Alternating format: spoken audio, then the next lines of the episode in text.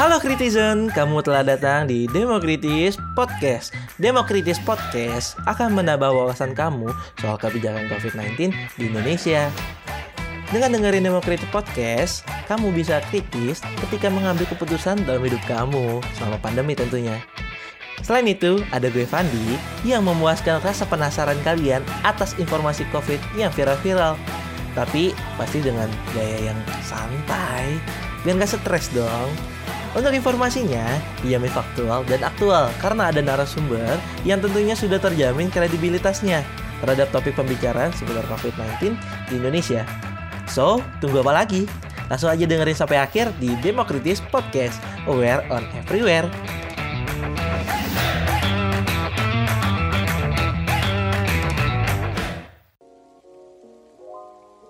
Halo Kritizen, lagi-lagi ditemenin sama gue nih, Pandi Gotama Semoga gak pada bosan ya dengerin suara gue yang merdu ini Jadi sesuai judul yang udah kali lihat, kita akan membahas seputar kabar dunia pendidikan selama masa pandemi COVID-19 ini. Pasti di antara lo semua ada yang kangen kan buat belajar di sekolah atau kampus lagi bareng temen-temen lo pastinya. Meskipun pasti ada yang cuman kepengen main atau bercanda bareng temen di sekolah, namun keresahan itu dijawab dengan program dari Kemendikbud Ristek di mana akan ada program tatap muka. Ada dua hal penting yang diperhatikan dalam program tatap muka ini, yaitu ini merupakan opsi cara belajar mengajar yang diberlakukan bagi sekolah-sekolah yang ada di zona hijau dan bergantung pada tiap orang tua muridnya pada bulan Juli nanti gitu loh untuk dibolehin atau enggak untuk masuk sekolah. Cuman pasti ada yang males nih kalau males sekolah pasti tinggal minta orang tuanya buat nggak kasih izin masuk sekolah gitu loh. Ini kan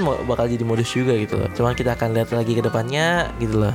Nah, program itu kan uh, presiden mengharapkan bahwa seluruh tenaga pendidikan ini dapat divaksinasi gitu seluruhnya serta dapat selesai pada bulan Juni mendatang. Tapi kan apakah hal itu bisa terwujud? Apakah program belajar tatap muka ini membawa hal positif atau malah memberikan dampak negatif gitu? Nah, makanya gue sudah mengundang seorang yang mengerti dan memiliki kredibilitas dalam menyampaikan opininya terhadap sektor pendidikan yang ada di Indonesia. Tapi seperti biasa kita akan mendengarkan opini kritizen sebelum berdiskusi lebih dalam soal program tatap muka ini. Yuk, si Kathleen.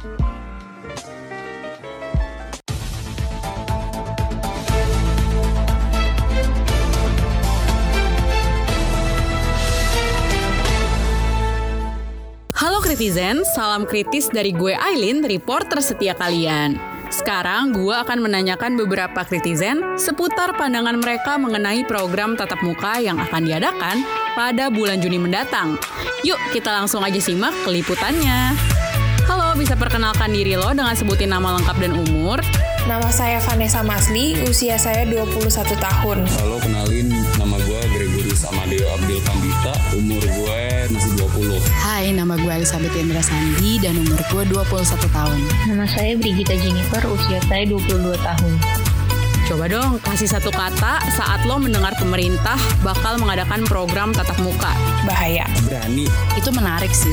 Waspada. Menurut lo nih, lebih efektif belajar dari rumah atau langsung di sekolah aja di saat-saat pandemi seperti ini? Kenapa? Menurut saya belajar dari rumah itu menjadi metode yang paling efektif karena dari segi keamanan dan juga kesehatan tuh lebih terjamin. Jadi orang tua maupun siswanya pun tidak uh, dikhawatirkan dengan kemungkinan-kemungkinan mereka akan terjangkit virus COVID-19. Menurut gue tetap lebih efektif kalau langsung ketemu ya. Karena gimana pun caranya, menurut gue ibaratnya kalau misalkan kita sekolah atau kuliah dari rumah itu tuh antara siswa atau pelajarnya dan gurunya itu tuh ada satu medium lagi di tengahnya gitu orang ketiganya yang bisa kita sebut sebagai internet gitu nah internet ini kadang ngeselin kayak kadang sinyal jelek atau sinyal dosennya yang jelek. Ya meskipun lebih efektif kalau belajar dari rumah ya menurut gue saat pandemi ini. Karena mengingat adanya faktor kesehatan dan juga efisiensi waktu. Kalau misalkan waktu kan ya lebih nggak banyak persiapan lah kalau misalnya di rumah daripada kita tatap muka. Dan kalau dari faktor kesehatan selama ini tuh gue ngelihat pemerintah itu punya visi dan misi yang baik, tapi kurang di bagian eksekusi sampai pengawasannya. Jadi kayak masih ragu apakah bener-bener nih saat sekolah dibuka itu gue akan mendapatkan keamanan yang seharusnya gue dapatkan, terutama keselamatan nyawa. Menurut saya pembelajaran tatap muka ini lebih efektif ya untuk saat ini daripada PJJ. Karena selama pandemi ini kan kebanyakan kalau sekolah tuh mengadakan PJJ, pembelajaran jarak jauh. Nah, mungkin selama satu sekitar satu tahun ini anak-anak tuh udah mulai jenuh belajar secara PJJ gitu. Dan mereka tuh bisa juga tuh jadi nggak fokus belajarnya. Bisa aja mereka buka tab lain, bisa buka Windows lain, bisa beraktivitas yang lain. Apalagi kalau mereka uh, off cam. Sedangkan kalau mereka datang ke sekolah langsung kan berarti guru-guru tuh masih bisa lebih memantau mereka benar belajar atau enggak gitu. Kemudian kan juga untuk uh, program tatap muka ini kan ya uh, pemerintah juga udah mempersiapkan kan ya misalnya uh, guru udah divaksinasi kalau murid saya kurang tahu udah divaksinasi harus divaksinasi atau enggak tapi akan lebih baik kalau misalnya baik guru ataupun murid ataupun siapa pun yang berada di program tatap yang melaksanakan program tatap muka ini tuh harus sebaiknya udah divaksin semua. Dengan gitu kan jadi bisa lebih aman ya pembelajaran tatap muka ini. Dan kan juga udah ada aturan-aturan lain yang emang udah disediakan pemerintah untuk program tatap muka ini. Seperti kapasitasnya jadi cuma 50% dan lagi kan yang menentukan apakah anak ini uh, eh, PJJ atau program tatap muka kan uh, orang tua ya jadi orang tua harusnya sih udah tahu anaknya ini kira-kira bisa nggak nih jaga diri dia pakai dia pakai maskernya tertib dan lain sebagainya. Uh, kalau misalnya emang orang tua menilai kalau oh nih anak memang udah bisa jaga prokes dengan baik walaupun sendirian. Jadi kalau dia belajar tatap muka nggak masalah. Tapi kalau misalnya mungkin emang anaknya dinilai orang tua nilai anaknya ini masih belum bisa nih jaga prokes mandiri nih kalau jadi bisa tetap dilakukan PJJ karena PJJ juga tetap diadakan kan ya jadi menurut saya mungkin tatap muka sudah bisa dilaksanakan dari sekarang karena ya beberapa hal memang selama pembelajaran ada yang nggak bisa digantikan oleh uh, eh, PJJ gitu. Apa pesan lo pada pemerintah perihal program tatap muka ini? uh, pesan saya bagi pemerintah memastikan betul-betul bahwa setiap sekolah baik guru maupun siswanya tuh mematuhi protokol kesehatannya gitu. Karena sejauh ini pandemi itu dapat diatasi kalau semua sadar akan pentingnya menjaga kesehatan masing-masing. Itu sih sebenarnya yang perlu di highlight ketika pemerintah memutuskan untuk mengadakan program tatap muka lagi menurut gue mesti dipertimbangin lagi. Kayak mungkin ngeliat urgensinya karena gue gue pribadi pun ngerasa banyak kehilangan karena uh, kelas-kelas yang harusnya gue ngerasain ada labnya ada pertemuan langsung untuk praktek gitu.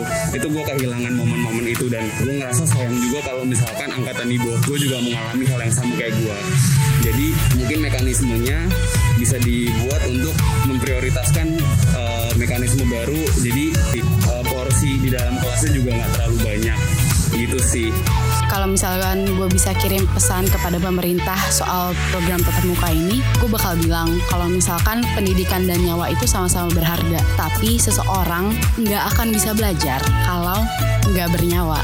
So, minta tolong banget pemerintah untuk benar-benar eksekusi dengan baik, karena kita-kita juga kangen dengan pelajaran tetap muka, cuman kita juga butuh keselamatan nyawa untuk bisa belajar dan berpendidikan? Uh, pengawasannya tentu aja harus ketat ya, karena uh, kan kita nggak tahu kalau misalnya, apalagi kalau ada anak-anak kecil gitu kan kita nggak tahu nih dia udah ngerti belum nih bahayanya COVID dan bagaimana dia harus menjaga kesehatan dia dan orang-orang sekitarnya. Dan juga apabila nantinya ternyata terbukti nih kalau misalnya program tatap muka ini malah e, memperparah. Jadi misalnya e, mungkin ada kluster COVID-19 di lingkungan sekolah atau lain sebagainya.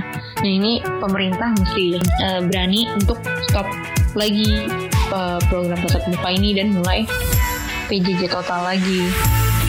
Nah, itu dia opini-opini kritizen seputar program tatap muka yang akan diadakan pada bulan Juni mendatang. Jadi, kalau emang diadain, jangan tidur atau pacaran doang ya di sekolah. Soalnya gue juga suka gitu. Canda deh. Ya udah ah, langsung kita balikin aja ke Bang Fandi.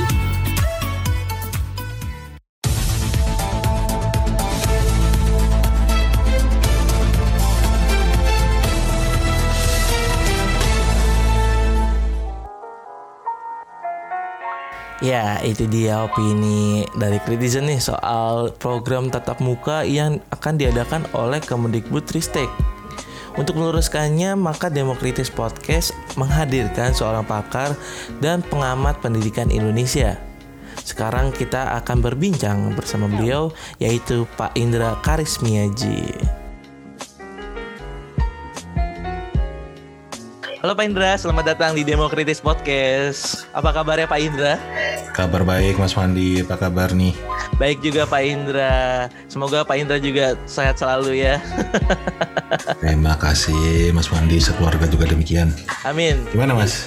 Jadi kita bakal ngomongin hal yang menarik nih Pak Indra nih. Tadi uh, pas di awal aku sudah ngomong sama para pendengar aku bahwa kita akan ngomongin soal masalah pendidikan nih yang terutama nih program tatap muka katanya bakal Hmm. ada bulan Juli dari 2021 ini Pak Indra nih.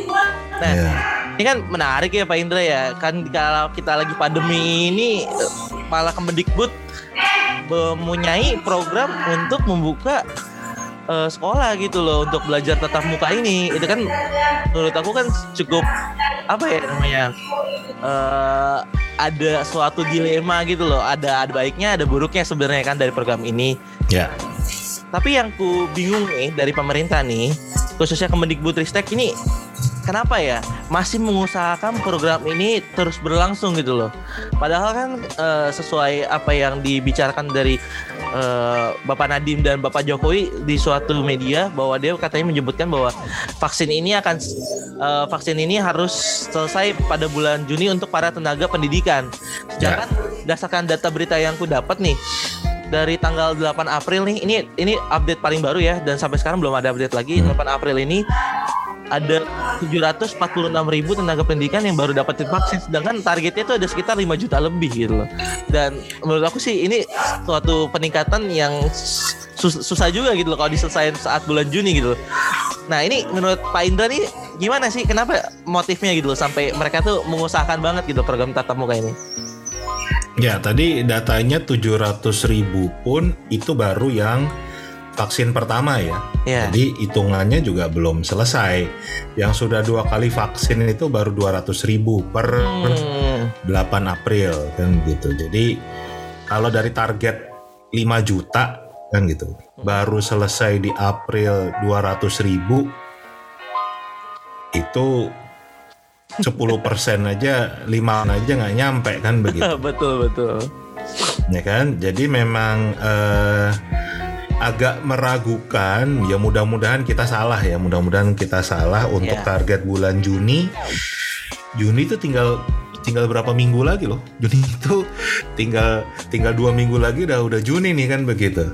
Jadi harus harus ngejar eh, 4 juta 800 ribuan lagi kok kayaknya berat ya kan gitu jadi dan kalau menurut para dokter sendiri memang kalau semua eh, guru, dosen, jadi tenaga kependidikan itu divaksin, itu kira-kira hanya proteksinya dari virus itu cuma 15%. Betul.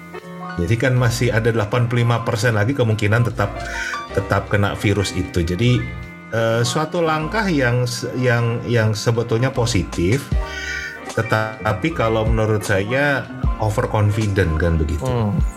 Mungkin mereka membandingkan dengan Singapura misalnya negara yang kecil dan memang sangat terkontrol kan eh, kehidupan mereka itu mereka sejak bulan Juli tahun lalu sudah sudah tetap muka akan begitu. Jadi jadi eh, dianggap ya kehidupan ya berjalan seperti sedia kala lah kan begitu. Eh, di Taiwan juga seperti itu kan gitu. Nah, di Indonesia ini kan beda. gitu. Yang yang paling ngeri kan kalau kita ngelihat dari eh, kondisi sosial masyarakat apalagi nih sekarang bicara lagi lebaran ya kan gitu. Orang mudik orang eh, saling berkunjung saling ketemu mungkin juga bahkan berdharma wisata ke mall gitu. Eh, dengan mungkin disiplin protokol kesehatannya yang lemah kemungkinan untuk angka covid meningkat seperti India sangat mungkin. Mudah-mudahan tidak kan gitu. Tapi kita tapi Iya, kan kita harus sekali. berpikir yang terburuk ya kan gitu. Jadi Harus ada persiapan ya Pak Eh, Indra ya. Nah, itu yang yang paling penting kita kita kan harus harus memahami kalau kita ini hidup di Indonesia. Masyarakatnya kondisi negaranya tidak seperti Singapura, tidak seperti Taiwan kan begitu. Nah, itu yang harus kita pahami bersama. Yang kedua, kalau tadi kenapa pemerintah sepertinya mendorong untuk tatap muka terus? Ini saya sudah sampaikan di banyak media ya sepertinya memang memang Kemendikbudristek dalam hal ini udah angkat tangan urusan belajar online kan gitu. Jadi sepertinya mereka tidak tidak punya pakar, tidak punya ahli, tidak punya referensi yang bisa membuat kalau belajar online itu bisa seefektif atau bahkan lebih efektif daripada belajar tatap muka. Yang muncul di sini sudah tiga kali kan ngeluarin SKB 4 Menteri udah tiga kali nih. Betul betul. Jadi bukan cuma sekali. Jadi dari dari bulan Juni tahun lalu kan udah keluar SKB 4 menteri yang intinya mau buka sekolah mulai dari eh, zona hijau dulu kan. Kemudian bulan Januari kemarin mau buka sekolah nggak jadi lagi. Ini nanti Juli mau buka sekolah dengan dikasih vaksin dulu. Feeling saya sih nggak jadi lagi kan gitu. Karena kondisi juga tidak membaik kan begitu. Tapi nggak disiapkan kan begitu. Artinya kalau kondisi begini satu-satunya yang paling aman kan memang belajar online. Ya kan? Kondisi yang paling aman belajar online kan itu. Tetapi tidak ada upaya untuk membuat masyarakat itu mulai berpikir kalau memang belajar online itu bisa positif. Kan bahkan kampanyenya itu selalu mengatakan kalau tidak tatap muka itu terjadi learning loss, terjadi dampak negatif. Jadi semua serba negatif lah kan begitu. Tapi program utamanya dengan podcast dengan Pak Jokowi katanya digitalisasi kan begitu. Jadi jadi ini buat saya sebuah paradoks kan gitu. Artinya dia punya program digitalisasi tapi pengennya tatap muka kan begitu. Ya kan? Kenapa nggak memang dibuat saja perlahan-lahan untuk memang membuat pembelajaran yang online ini bisa positif dan kalau saya termasuk orang yang yakin kalau belajar online itu bisa positif. Tapi tentunya caranya beda dengan belajar ala jadul sebelum pandemi kan gitu. Yang yang terjadi sekarang kan banyaknya begitu. Jadi cara ngajarnya masih kayak sebelum pandemi, ya kan? Ini terjadi baik guru maupun dosen. Jadi dia di Zoom kayak begini nih atau pakai Google Meet, pakai Teams. Terus dari mulai sampai akhir tuh ceramah aja kan gitu ya kan? Betul betul itu, betul pak. Itu dua menit aja kita dengerin orang ceramah yang yang sangat membosankan, itu udah video dimatiin, kita buka aplikasi yang lain, terus ya jalan-jalan lah ke mana, mungkin sambil nonton TV atau jadi jadi udah konsentrasinya itu udah sudah nggak nggak nggak ada sama sekali kan gitu. Tapi para dosen, para guru nggak merasa seperti itu kan gitu. Dia tetap aja kan gitu loh ngomong terus kan gitu. Habis itu nanti kasih tugas kan gitu, ngasih ujian kan tuh ujiannya ada jawabannya di Google semua. Begitu nilainya 100 semua bingung kok sekarang anak-anak itu nilainya bagus-bagus ya iyalah semua jawabannya ada di Google tinggal di Google aja kan gitu jadi jadi di situ kan menunjukkan kalau memang kualitas pendidik kita masih belum sesuai dengan tantangan era digital kan begitu. Nah, kenapa saya itu percaya kalau belajar uh, online itu bisa positif hasilnya? Karena berdasarkan banyak sekali kajian akademis. Salah satu kajian akademis yang pernah saya pelajari itu datangnya malah dari alma maternya Mendikbud sendiri, yaitu dari Harvard yang dibuat sudah cukup lama tahun 2009. Tahun 2009 mereka itu membuat kajian terhadap salah satu sekolah virtual terbesar di dunia. Namanya Florida Virtual School. Itu di Florida, itu sekolah negeri, jadi gratis, ya kan?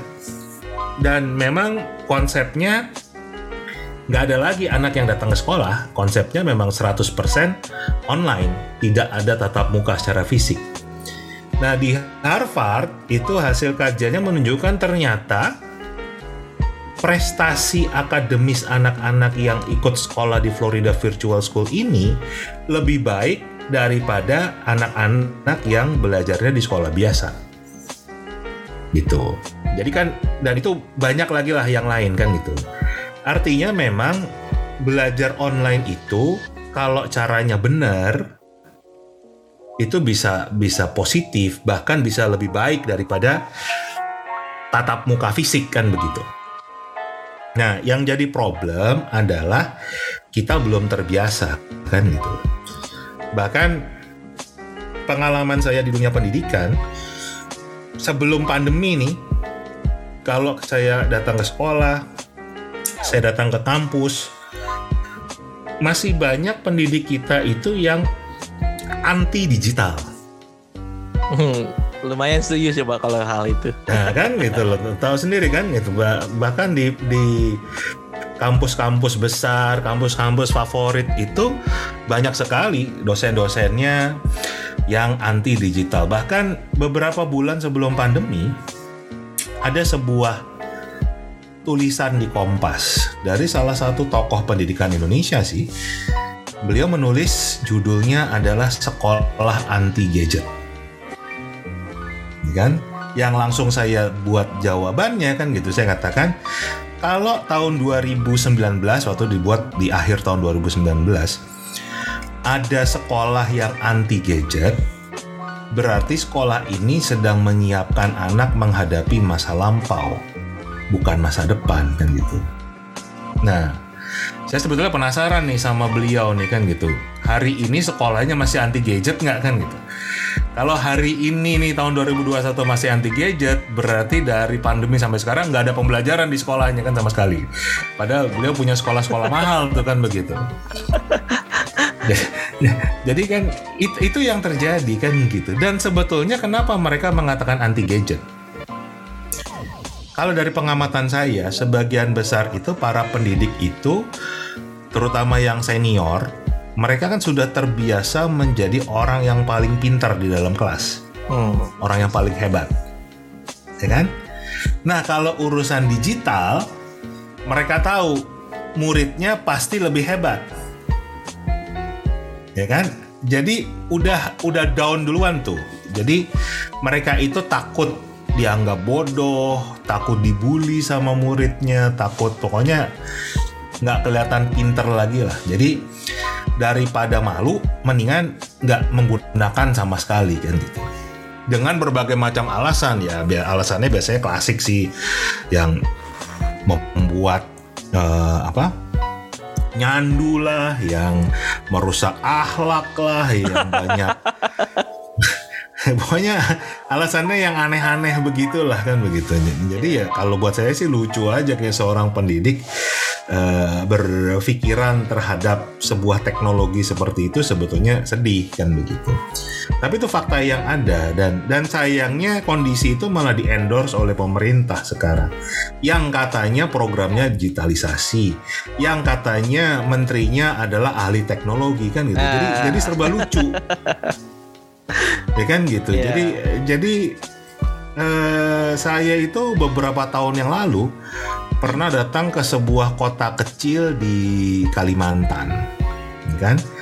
Ini beberapa tahun lalu udah cukup lama nih ya kan gitu. Terus malam-malam lapar kan begitu malam-malam lapar namanya kota kecil kan waduh eh, taksi aja nggak ada di tempat itu tuh. Taksi nggak ada kan gitu. Jadi kita mau mau, mau nyari makan gimana ya terus uh, si resepsionnya bilang pakai GoFood aja pak. Eh, udah ada kan gitu loh.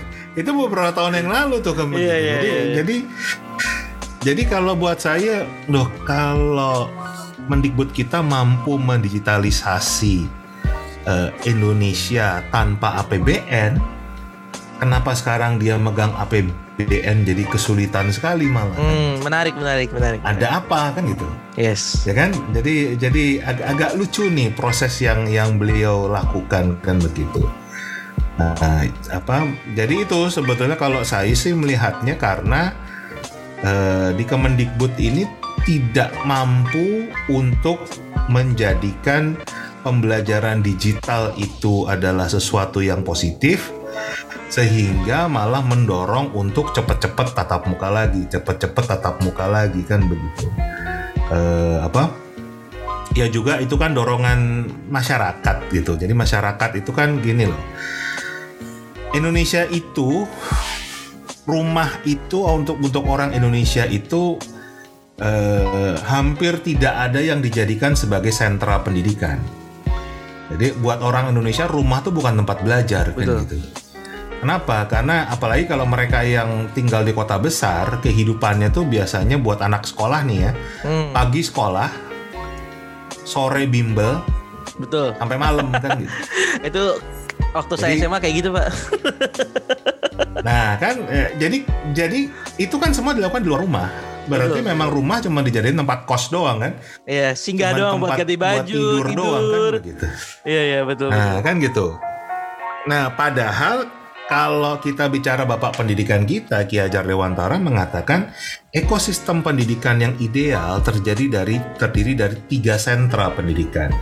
Rumah sebagai sentra pendidikan, sekolah sebagai sentra pendidikan, sekolah atau kampus ya, Iya. dan masyarakat sebagai sentra pendidikan ini harus balance tiga-tiganya. Nah, Kemendikbud yang juga dengan slogan Merdeka Belajarnya, kalau saya menyebutnya merek sih kan gitu, dengan Yes, merek sih. Merdeka Belajarnya, mengatakan itu adalah eh, filosofi dari Ki Hajar Dewantara kan gitu. Kenapa lupa kalau Ki Hajar Dewantara mengatakan kalau rumah adalah sentra pendidikan? Kenapa nggak berupaya selama pandemi ini jadikanlah rumah itu sentra pendidikan? Bantulah para guru untuk bisa mendidik anak-anaknya secara remote, ya kan, jarak jauh, tetapi efektif. Bantulah para orang tua supaya bisa mendampingi putra putrinya untuk belajar dari rumah bukan berarti kayak sekarang yang seakan-akan kan oh, jadi gini lucunya nih sekarang nih ya yang terjadi Hmm? karena guru juga takut untuk dianggap nggak kerja jadi magabut kan gitu. Hmm. akhirnya dia ngasih tugas ke siswa-siswinya itu banyak banget kan gitu. Ah. aneh-aneh tugasnya. Betul, betul. ya kan? Di sekitar saya juga dan nggak pernah dijelasin karena mereka gitu juga loh, juga bingung ngejelasinnya gimana. Akhirnya cuma dikasih tugas aja banyak banyak Iya. nah karena ngasih tugas banyak banyak kan gitu si murid ini kan bingung mau nanya ke siapa kan gitu akhirnya nanyanya ke orang tua kan? Karena Betul. yang ada di rumah orang tua. Nah orang tua bingung lagi ditanyain wah ini sinus kosinus tangan nih gimana ya? Kan ya kan? Jadi akhirnya semuanya serba stres kan gitu. Hanya karena berawal dari tadi proses pembelajaran digitalnya tidak dijalankan dengan baik tidak disesuaikan dengan kondisi eh, eranya sekarang. Jadi kalau saya membuat analogi gini nih mas. Masak nasi. Ya.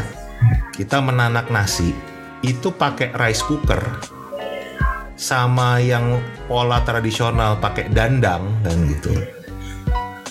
itu caranya kan beda. Ya kan? Caranya beda. Bahannya sama sama-sama beras. Cara masaknya berbeda.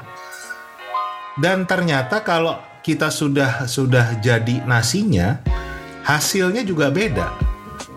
Yang ditanak pakai rice cooker lebih halus yang ditanak pakai dandang itu lebih keras dan eh, bahkan suka ba- pasti ada kerak nasinya kan gitu. Yes. ya kan? Jadi jadi sam- sama-sama nasi kita menyebutnya sama-sama nasi tapi sebetulnya hasilnya beda. Yang pakai dandang beda yang pakai rice cooker beda kan gitu. Tapi sama-sama nasi dan tujuannya juga sama sama-sama untuk menghasilkan energi untuk mengenyangkan kan gitu caranya beda hasilnya berbeda terus kalau ditanya enak yang mana tergantung yang ditanya siapa Kalau yang ditanya adalah kakek nenek saya bilang ya enakan pakai yang dandang, ada kerak nasinya, keras-keras gitu enak kayak kerupuk. Tapi kalau yang ditanya generasinya Mas Fandi ini, ini apaan sih Maka nasi kok keras begini kan begitu? Karena ini kan masalah kebiasaan. Betul. Jadi artinya dalam pola pembelajaran modern gitu, kita nggak bisa menggunakan tekstur dan rasa kayak kita makan nasi dengan dandang karena caranya baru, rasanya baru, teksturnya baru, tapi sama-sama pembelajaran. Kurang gitulah kalau analogi ininya ya. Eh, kita membandingkan yang harusnya seperti apa dan apa yang terjadi sekarang. Oke, menarik sih ini Pak Indra nih soal hal-hal yang malah dipersiapkan oleh Kemendikbud ini sering berulang kali direvisi gitu loh, berulang kali diulang-ulang maunya apa, tapi akhirnya tidak terwujud sebenarnya tuh untuk untuk sebuah kepemimpinan tuh menurut saya agak buruk ya mencerminkan seorang pemimpin yang tidak mempunyai eh, keputusan yang pasti gitu loh ataupun tidak bisa mewujudkan itu malah buruk. Tapi kenapa masih dilakukan secara berulang-ulang ya Pak Indra ya? Bukannya ketika manusia itu yang baik adalah ketika melak- apa melakukan kesalahan dan dia akan mempelajari kesalahan tersebut untuk memperbaikinya gitu loh. Ini kenapa Kemendikbud tetap seperti itu ya? Menurut Pak Indra gimana tuh dari tindakan tersebut tuh? Ya itulah kalau kalau orang bule mengatakan Hmm. keledai itu nggak mungkin jatuh ke lubang yang sama dua kali kan. Yes.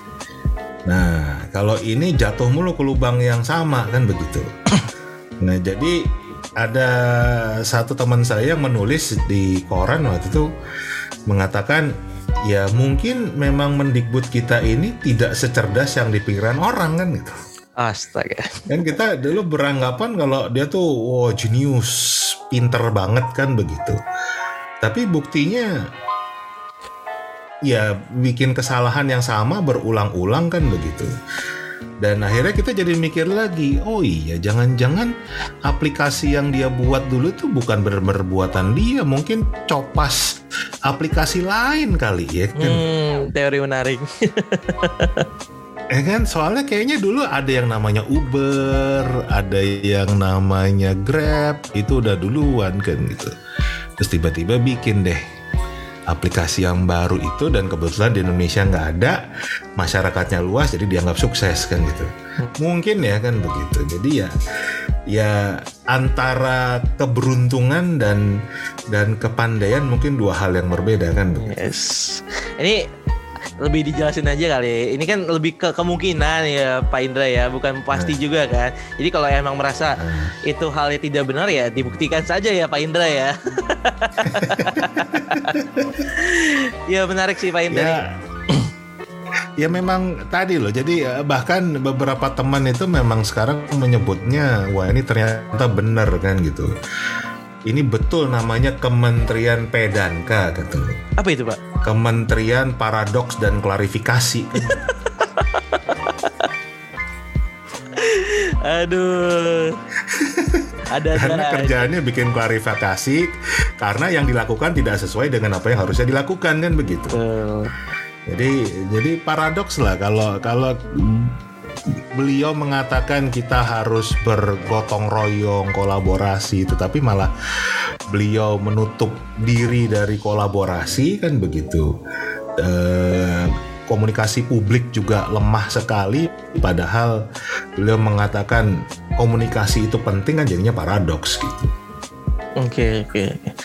Nah ini ngomongin soal program tatap muka ini ya Pak Indra ya. Ini kan hmm, menurut dari Kemendikbud sendiri kan itu kan merasa tidak efektif sehingga harus diadakan eh, sorry program eh, program tatap muka ini lebih efektif dibanding program eh, online gitu loh program belajar daring kan.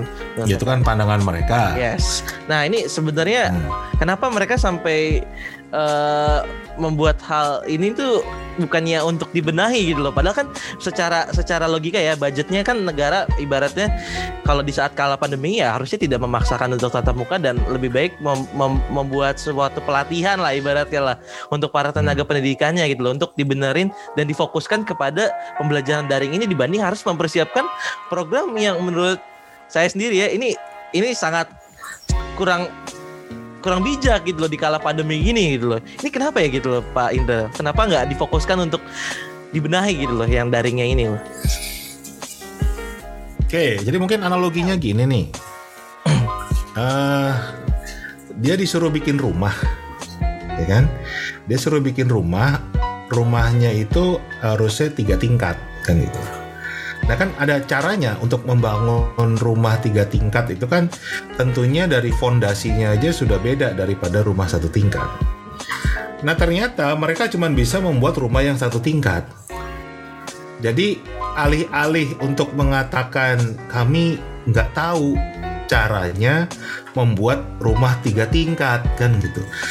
Jadi mungkin kami harus belajar, mungkin kami harus mengundang pakar-pakar yang paham cara bangun rumah tiga tingkat. Tapi mereka malah mengatakan, oh enggak, rumah tiga tingkat itu jelek.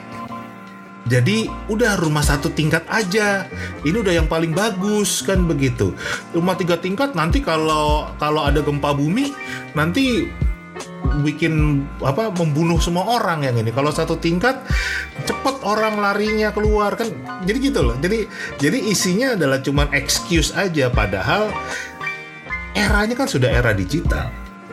Apalagi tadi programnya digitalisasi. Jadi kalau kalau digitalisasi itu hanya sebatas bagi-bagi laptop, ya kan? Itu dianggap digitalisasi, tapi tidak dibuat sebuah ekosistem bagaimana belajar secara digital itu dilakukan, yaitu namanya bukan pembangunan SDM unggul di era digital, kan gitu. Jadi ya, ya kalau saya sih melihatnya di kompetensi memang memang tidak memiliki kompetensi di bidang pembangunan SDM tidak memiliki kompetensi di bidang pendidikan kan begitu. Membangun manusia sangat berbeda dengan membangun aplikasi. Jadi jadi kan kita kita nggak bisa dong uh, melihat wah nih orang jago bikin aplikasi berarti bisa juga jadi dosen yang hebat. Kan nggak kan nggak begitu.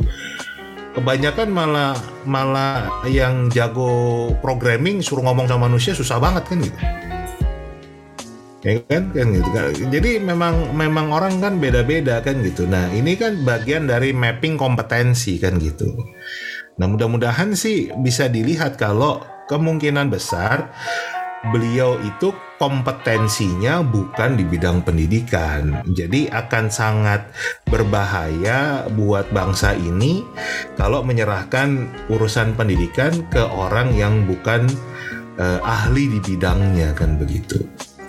Pandangan saya sih begitu, Mas. Nah, ini kan soal ketidak efektivitasan dari belajar daring ini juga. Hmm. Ini kan saya pernah melakukan riset nih buat Pak Indra juga ya. Ini Pak Indra ini juga punya program juga ya sebagai solusinya gitu loh dari dari masalah tersebut yaitu kegiatan guru cerdas ya, gerakan guru cerdas ini ya Pak Indra. Ya.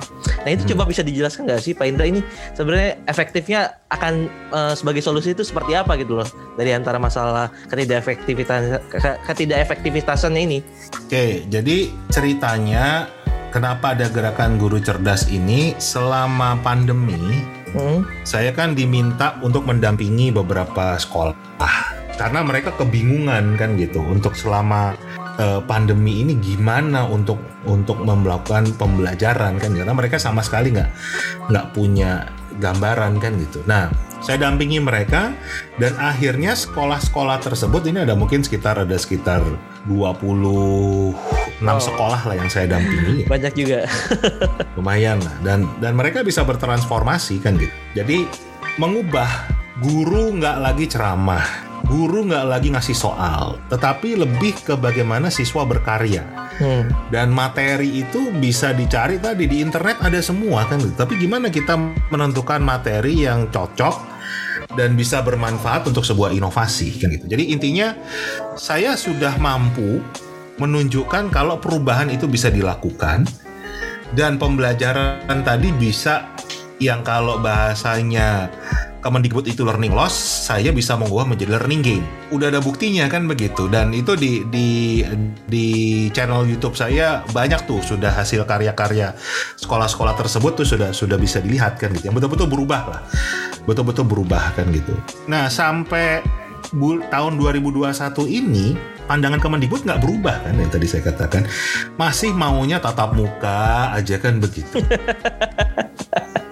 Jadi sama sekali nggak ada upaya untuk membuat pembelajaran daring itu menjadi efektif. Nggak ada upaya, maunya hanya kembali seperti sedia kala aja kan begitu.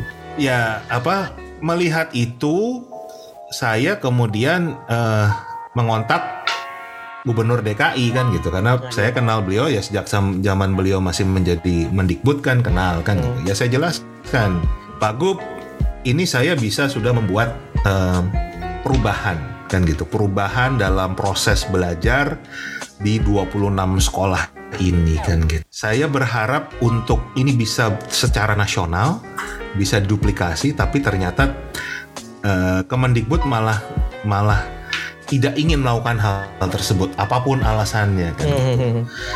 Nah, gimana kalau kita kita lakukan saja untuk DKI kan gitu. Oke. DKI itu kan bagusnya adalah dari dari PAUD sampai SMK itu kan di bawah DKI semua. Jadi satu komando kan gitu. Yang Yes. kedua di DKI ini kan nggak mungkin ada masalah sinyal kan gitu Iya betul banget. ya kan? Paling masalahnya kuota, masalahnya gawai. Tapi kalau sinyal harusnya satu DKI itu nggak ada masalah lah kan begitu. Iya, Jadi betul. untuk urusan infrastrukturnya paling nggak di ini. Nah Pak Gub mengatakan, wah bagus sekali tuh Mas Indra. Tapi kita nggak punya anggaran kan begitu. Hmm. Saya bilang, saya bilang nggak apa-apa Pak. Yang penting guru-guru kita bisa bisa berubah, anak-anak kita bisa ter eh, didik dengan baik. Saya akan membuat gerakan saja. Yang penting Pak Gubernur setuju kan gitu. Jadi ada restunya, guru-guru saya latih dan ini gratis tanpa APBN, tanpa APBD, tanpa pungutan. Jadi betul-betul eh, gerakan bersama memang untuk kepentingan bersama, untuk kemajuan bersama dan ternyata sudah berjalan ini udah ini sudah jalan eh, tiga minggu ya kan. Minggu. Jadi jadi targetnya nanti 17 Agustus itu betul-betul sekolah ini sudah berubah sekolah-sekolah DKI ini kan gitu.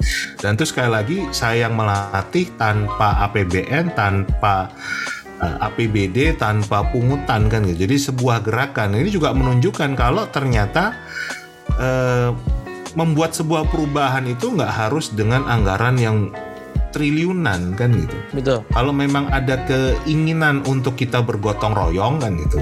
Hmm. Gotong royong kan salah satu profil pelajar Pancasila tuh katanya kan. Yes. Ya kan? tinggal diimplementasikan jangan diteorikan kan begitu. Ya kan? Implementasikanlah bagaimana bergotong royong untuk membangun bangsa ini kan gitu. Jadi itulah sebetulnya yang kenapa lahir gerakan guru cerdas ini. Hmm, Jadi oke. Jadi upaya eh, bersama kan gitu supaya ya tadi loh sekarang andai kata nih ya kita ngomong terburuknya saja kalau bulan Juli nanti angka COVID tidak menurun Mm-mm. kan pasti sekolah nggak jadi dibuka Pastilah. terus artinya anak-anak kita jadi nggak bakal sekolah lagi Hmm. nggak terdidik cuman mau nunggu aja mau sampai kapan sekolah tatap muka lagi Iya, kan iya, iya. Kan mau nggak mau guru harus disiapkan kan gitu untuk bisa ngajar. Nah ini juga yang yang yang satu hal yang menarik yang juga nggak pernah disebut oleh Kemendikbud. Apa itu Pak? Juli itu kan tatap muka Hmm? rencananya kan, tapi kan tatap muka terbatas. 50 Artinya kan tidak semua 50 kan. Iya. gitu. Berarti guru itu kan harus ngajarnya double. Betul. Ada Dua yang di sekolah, ada yang online juga ya. Nah, kita tahu yang satu sistem aja kewalahan, ini suruh dua sistem. Dan juga nggak ada persiapan kan, udah cuman nganggapnya, oh kalau udah tetap muka beres nanti. Padahal ini akan menimbulkan masalah baru karena guru-gurunya nggak disiapin kan begitu. Nah ini salah satunya gerakan guru cerdas ini untuk bisa menyiapkan guru andai kata mereka nanti setengah yang masuk atau masih belum masuk mereka bisa ngajar dengan efektif. Kurang lebih itu sih eh, Oke. gerakan guru cerdas itu. Sangat menarik ya ini ternyata Pak Indo ya. Jadi buat para kritizen atau para pendengar Demokritis Podcast ini juga pasti mungkin cobalah mungkin kalau misalkan dirasa ada masalah dari publik ataupun pemerintah kita dan kita merasa resah tetapi kita punya suatu solusi ya lantaslah kita bisa untuk menjalankan solusi itu dengan cara yang seperti Pak Indah ini lakukan gitu loh gotong royong dengan cari solusi yang lain gitu diterapkan dan dicoba dibicarakan dan komunikasikan kepada oknum-oknum pemerintahan yang di atas juga ya Pak Indah ya. Gitu iya kan gitu. Jangan gerakan yang seperti ini malah dibilang gerakan kadrun kan gitu. Iya, takutnya kan malah kayak ini orang caper apa segala macam kan banyak kan orang berpikir gitu. Tapi kan nyatanya kan iya yang penting kan kita berusaha gitu loh. Jangan cuman apatis atau diem doang gitu kan. Kalau kalau andai kata memang sudah ada gerakannya atau sudah ada upaya untuk membenahi tadi pembelajaran online, ya gerakan guru cerdas ini nggak perlu kan gitu. Hmm. Kan justru problemnya karena ini sama sekali kayaknya nggak ada yang mikirin kan begitu.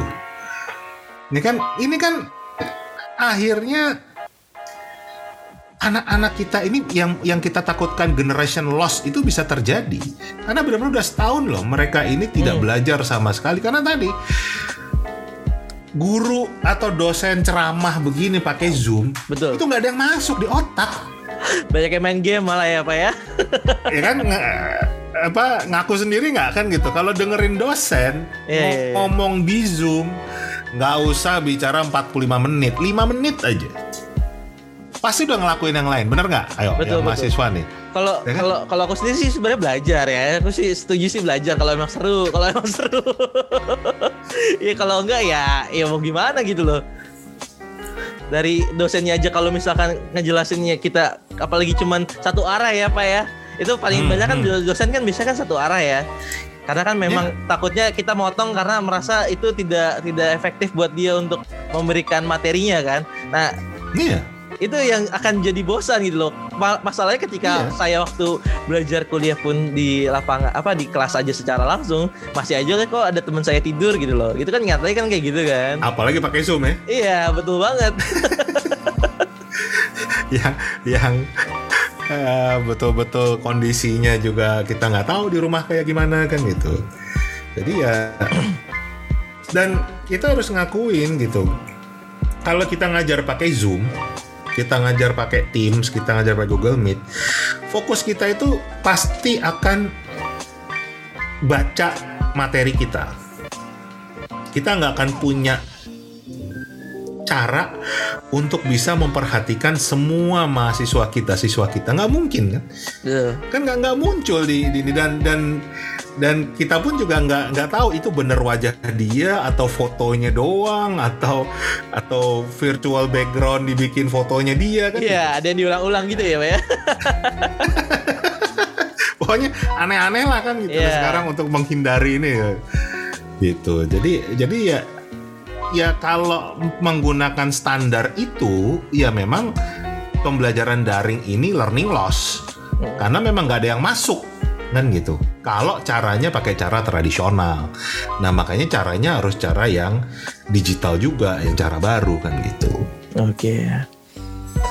Oke, ini sebenarnya banyak hal yang menjadi PR sebenarnya buat kemen kemen ini Kemendikbudristek kita ya, Pak ya. Nah pertanyaannya mau dengerin nggak kan gitu loh. Iya. Kadang-kadang sudah dikritik uh, banyak ya soalnya ya, tapi ternyata masih tetap tetap muka ya, Pak ya. Nah justru itu makanya kan kita kita bingung kita mau memberikan masukan tetapi justru mereka tidak mau menerima masukan gitu menganggap kita ini malah jadi kadrun kan gitu. Seakan-akan anti pemerintah padahal kan bukan itu. Kita kita kalau saya pribadi justru ingin mensukseskan programnya Pak Jokowi yaitu pembangunan SDM unggul kan gitu. Ini unggulnya di mana kan? Gitu dan digitalisasi khususnya ya Pak ya? Nah iya kan unggulnya di era digital bukan di era berburu kan begitu. Oke oke oke. Jadi paling terakhir nih Pak uh, Indra aku mau nanya nih uh, kira-kira tuh hmm, harapan Pak Indra deh buat uh, para anak-anak deh khususnya generasi muda ataupun uh, anak SMP, SD, SMA, kuliah gitu loh supaya bisa beradaptasi nih di antara di antara masalah-masalah dari Kemendikbud ataupun masalah pendidikan ini sistemnya yang belum ada konsistensinya gitu. Kira-kira harapannya Pak Indra buat mereka gini apa nih? Oke, yang pertama adik-adik mahasiswa, adik-adik pelajar ini harus tahu dulu kalau tantangan mereka ya tantangan adik-adik ini dengan tantangan kami para orang tua, para guru, para dosen itu sangat berbeda. Dan itu ada kajian akademisnya. Yang paling sering dijadikan referensi adalah kajiannya dari McKinsey Global Institute yang judulnya adalah Job Loss Job Gain. Dan juga dari Forum Ekonomi Dunia, World Economic Forum yang judulnya Future Jobs Report laporan pekerjaan masa depan.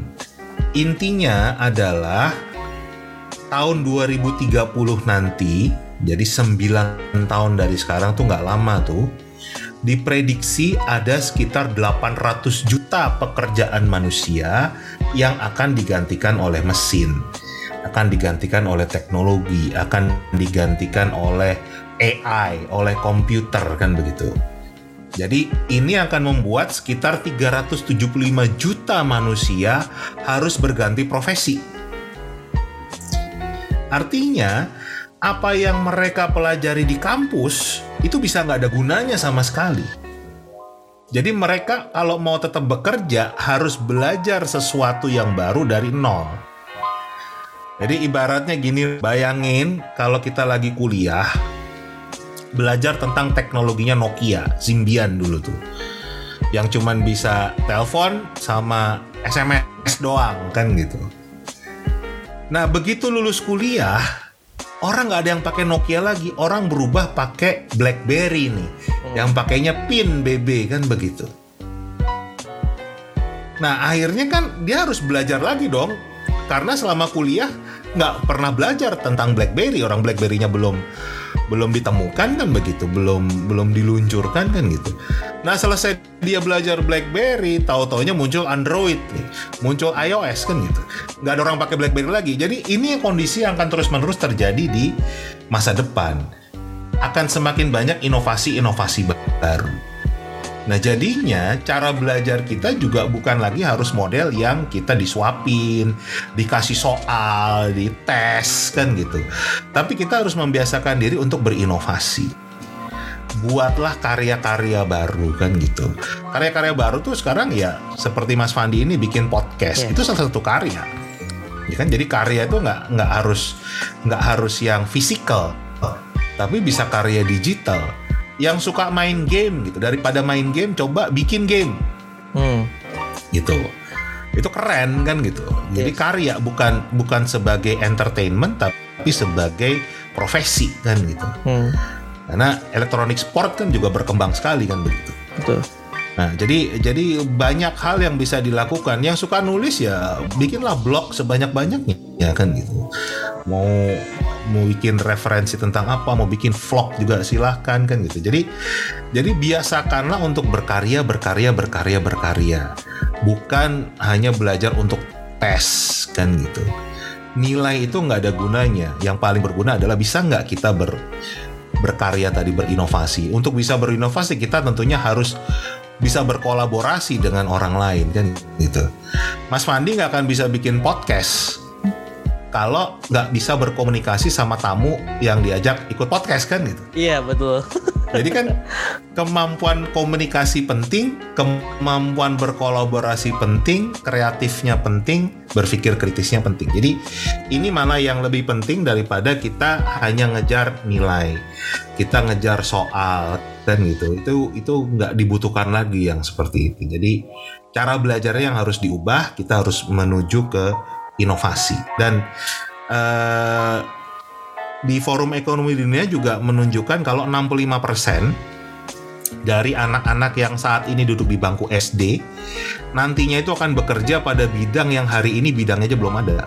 Hmm. Berarti ada Bener-bener akan baru. ada muncul yang baru ya.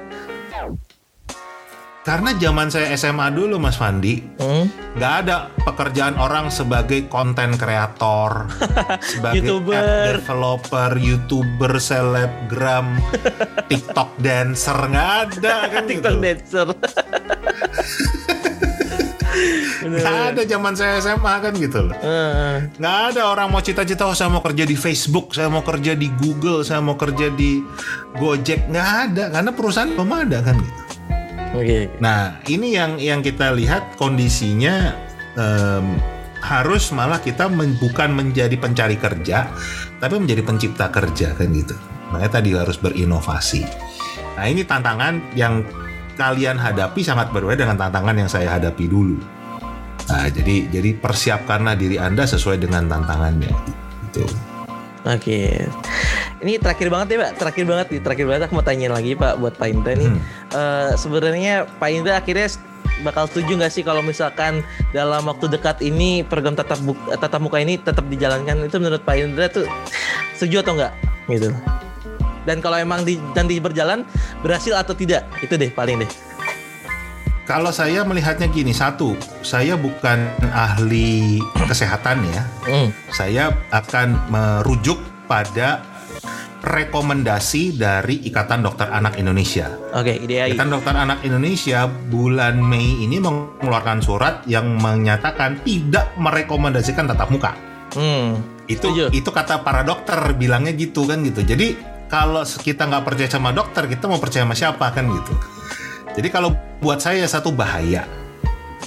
Yang kedua tadi adalah ini udah eranya digital loh. Ya kan? Sekarang sudah dibuktikan orang-orang seperti Twitter misalnya. Twitter itu sudah mengatakan seumur hidup sekarang kalian kerjanya work from home kan gitu. Nggak usah lagi datang ke kantor kan gitu. Dan perusahaan seperti Google, Microsoft juga udah seperti itu. Perusahaan-perusahaan modern itu udah bahkan Gojek sendiri itu nggak kerja itu nggak harus datang ke kantor.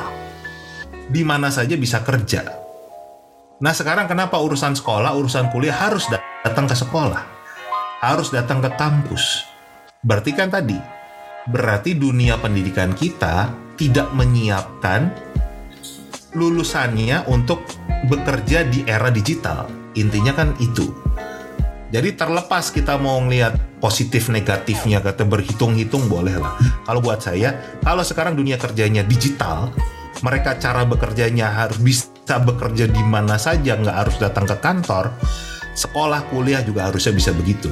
Oke. Nggak harus datang ke kampus, nggak harus datang ke sekolah, tapi mereka tetap bisa belajar, tetap mereka bisa berkarya, berinovasi, dan akhirnya terbentuk menjadi individu sebagai manusia yang utuh supaya dia bisa survive di eranya di era digital. Itu sih pandangan saya, Mas. Oke, terima kasih banyak ya Pak Indra nih. Jadi buat teman-teman Kritizen juga bahwa ya adanya nanti program tatap muka ini atau tidak ya tetap coba aja adaptasi diri dengan segala pembelajaran daring yang diberikan dan maksimalkan itu ya Pak Indra ya dan jadikan sebuah itu karya gitu loh. Jadi jangan pasif untuk cuman ya belajar-belajar aja tapi kalian harus juga belajar untuk menciptakan sebuah karya gitu loh. Gampangnya gini lah, gampangnya gini nih.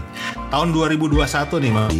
Hmm? Mau kerja jadi tukang pijet, mau kerja jadi tukang ojek, mau kerja jadi cleaning service, itu butuh gadget, butuh online, Yes. ya kan? Ya. Itu bukan saya mendiskreditkan profesi mereka, tetapi itu adalah contoh profesi yang tidak butuhkan gelar sarjana, Betul. nggak butuh sekolah tinggi-tinggi, itu butuh gadget, butuh online. Nah sekarang kalau sekolahnya mengatakan nggak bisa on pakai gadget nggak bisa online, terus anaknya mau dijadiin apa nanti kan? Masih ya tukang pijat juga. Tukang pijitnya dia pakai gadget Itu kan dia. gitu. Gue masak kan pakai gadget kan gitu.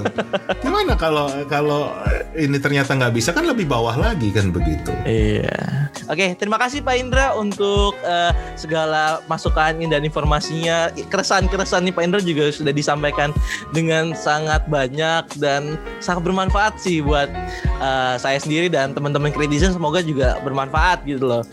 Dan semoga eh, apa pun program Kemendikbud nantinya ya coba tolong dipikirkan secara matang-matang, dibuat keputusannya jangan sampai kayak udah ada program apa disampaikan ke media, habis itu nanti gagal lagi, direvisi lagi terus gagal lagi dan itu jangan sampai seperti itu. Dan untuk Pak Indra mungkin harapannya semoga Pak Indra ini sehat selalu ya, sukses terus untuk dalam setiap program guru cerdasnya juga ya Pak Indra ya. Amin. Oke, kasih. paling itu aja sih Pak Indra. Terima kasih Ya. banyak Pak Indra atas kesempatannya. Yo. Sampai jumpa Pak Indra. Sampai jumpa. Thank you ya. Nah, kritizen, apa pun keputusan pemerintah nantinya, mau belajar online atau tatap muka, kita semua harus bisa menerapkan protokol kesehatan dengan baik tentunya. Dan terutama tujuan dari belajar ya harus fokus gitu loh kan. Kalau misalkan fokusnya ya pacaran ya bukan belajar gitu loh. Jadi di mana pun tempat ya kita harus menimba ilmu sebanyak-banyaknya selagi ada kesempatan karena di luar sana banyak orang yang belum bisa mendapatkan kesempatan untuk belajar dengan baik ini. Ya jadi itu dia episode terakhir kita di Demokritis Podcast dengan tema polemik kebijakan COVID-19 pemerintah Indonesia. Jadi mohon maaf juga teman-teman kritizen ya apabila selama ini gue ada salah kata dan penyebutan dalam setiap episodenya. Mungkin gue kecepatan atau nggak jelas ngomongnya gitu loh. Yang jelas ya gue nggak cadel gitu. Jadi yang ngatain cadel sorry banget ya. Terima kasih kepada kritizen semua yang sudah mendengarkan dari episode 1 sampai episode ini di episode ketiga yang terakhir ini. Itu dia salam kritis dari gua Fandi Gutama, Demokritis Podcast, aware and everywhere. Terima kasih kritizen. Setelah mendengar episode ini, tentu kamu telah mendapatkan pencerahan kan dari narasumber tadi. Jadi, kalau kalian berkesan dengan pembahasannya, ayo dong di-share ke teman-teman kalian dengan cara share di instastory kalian bagian yang paling menarik Abis itu tinggal tag Instagram demokritis.podcast Pastiin juga kalian follow ya bagi instastory yang paling menarik akan mendapatkan hadiah berupa GoPay sebesar 50.000 untuk dua orang pemenang tentunya. Terakhir, jangan lupa untuk selalu jaga kesehatan kalian dan ikutin protokol kesehatan yang ada. Demokratis Podcast, where everywhere.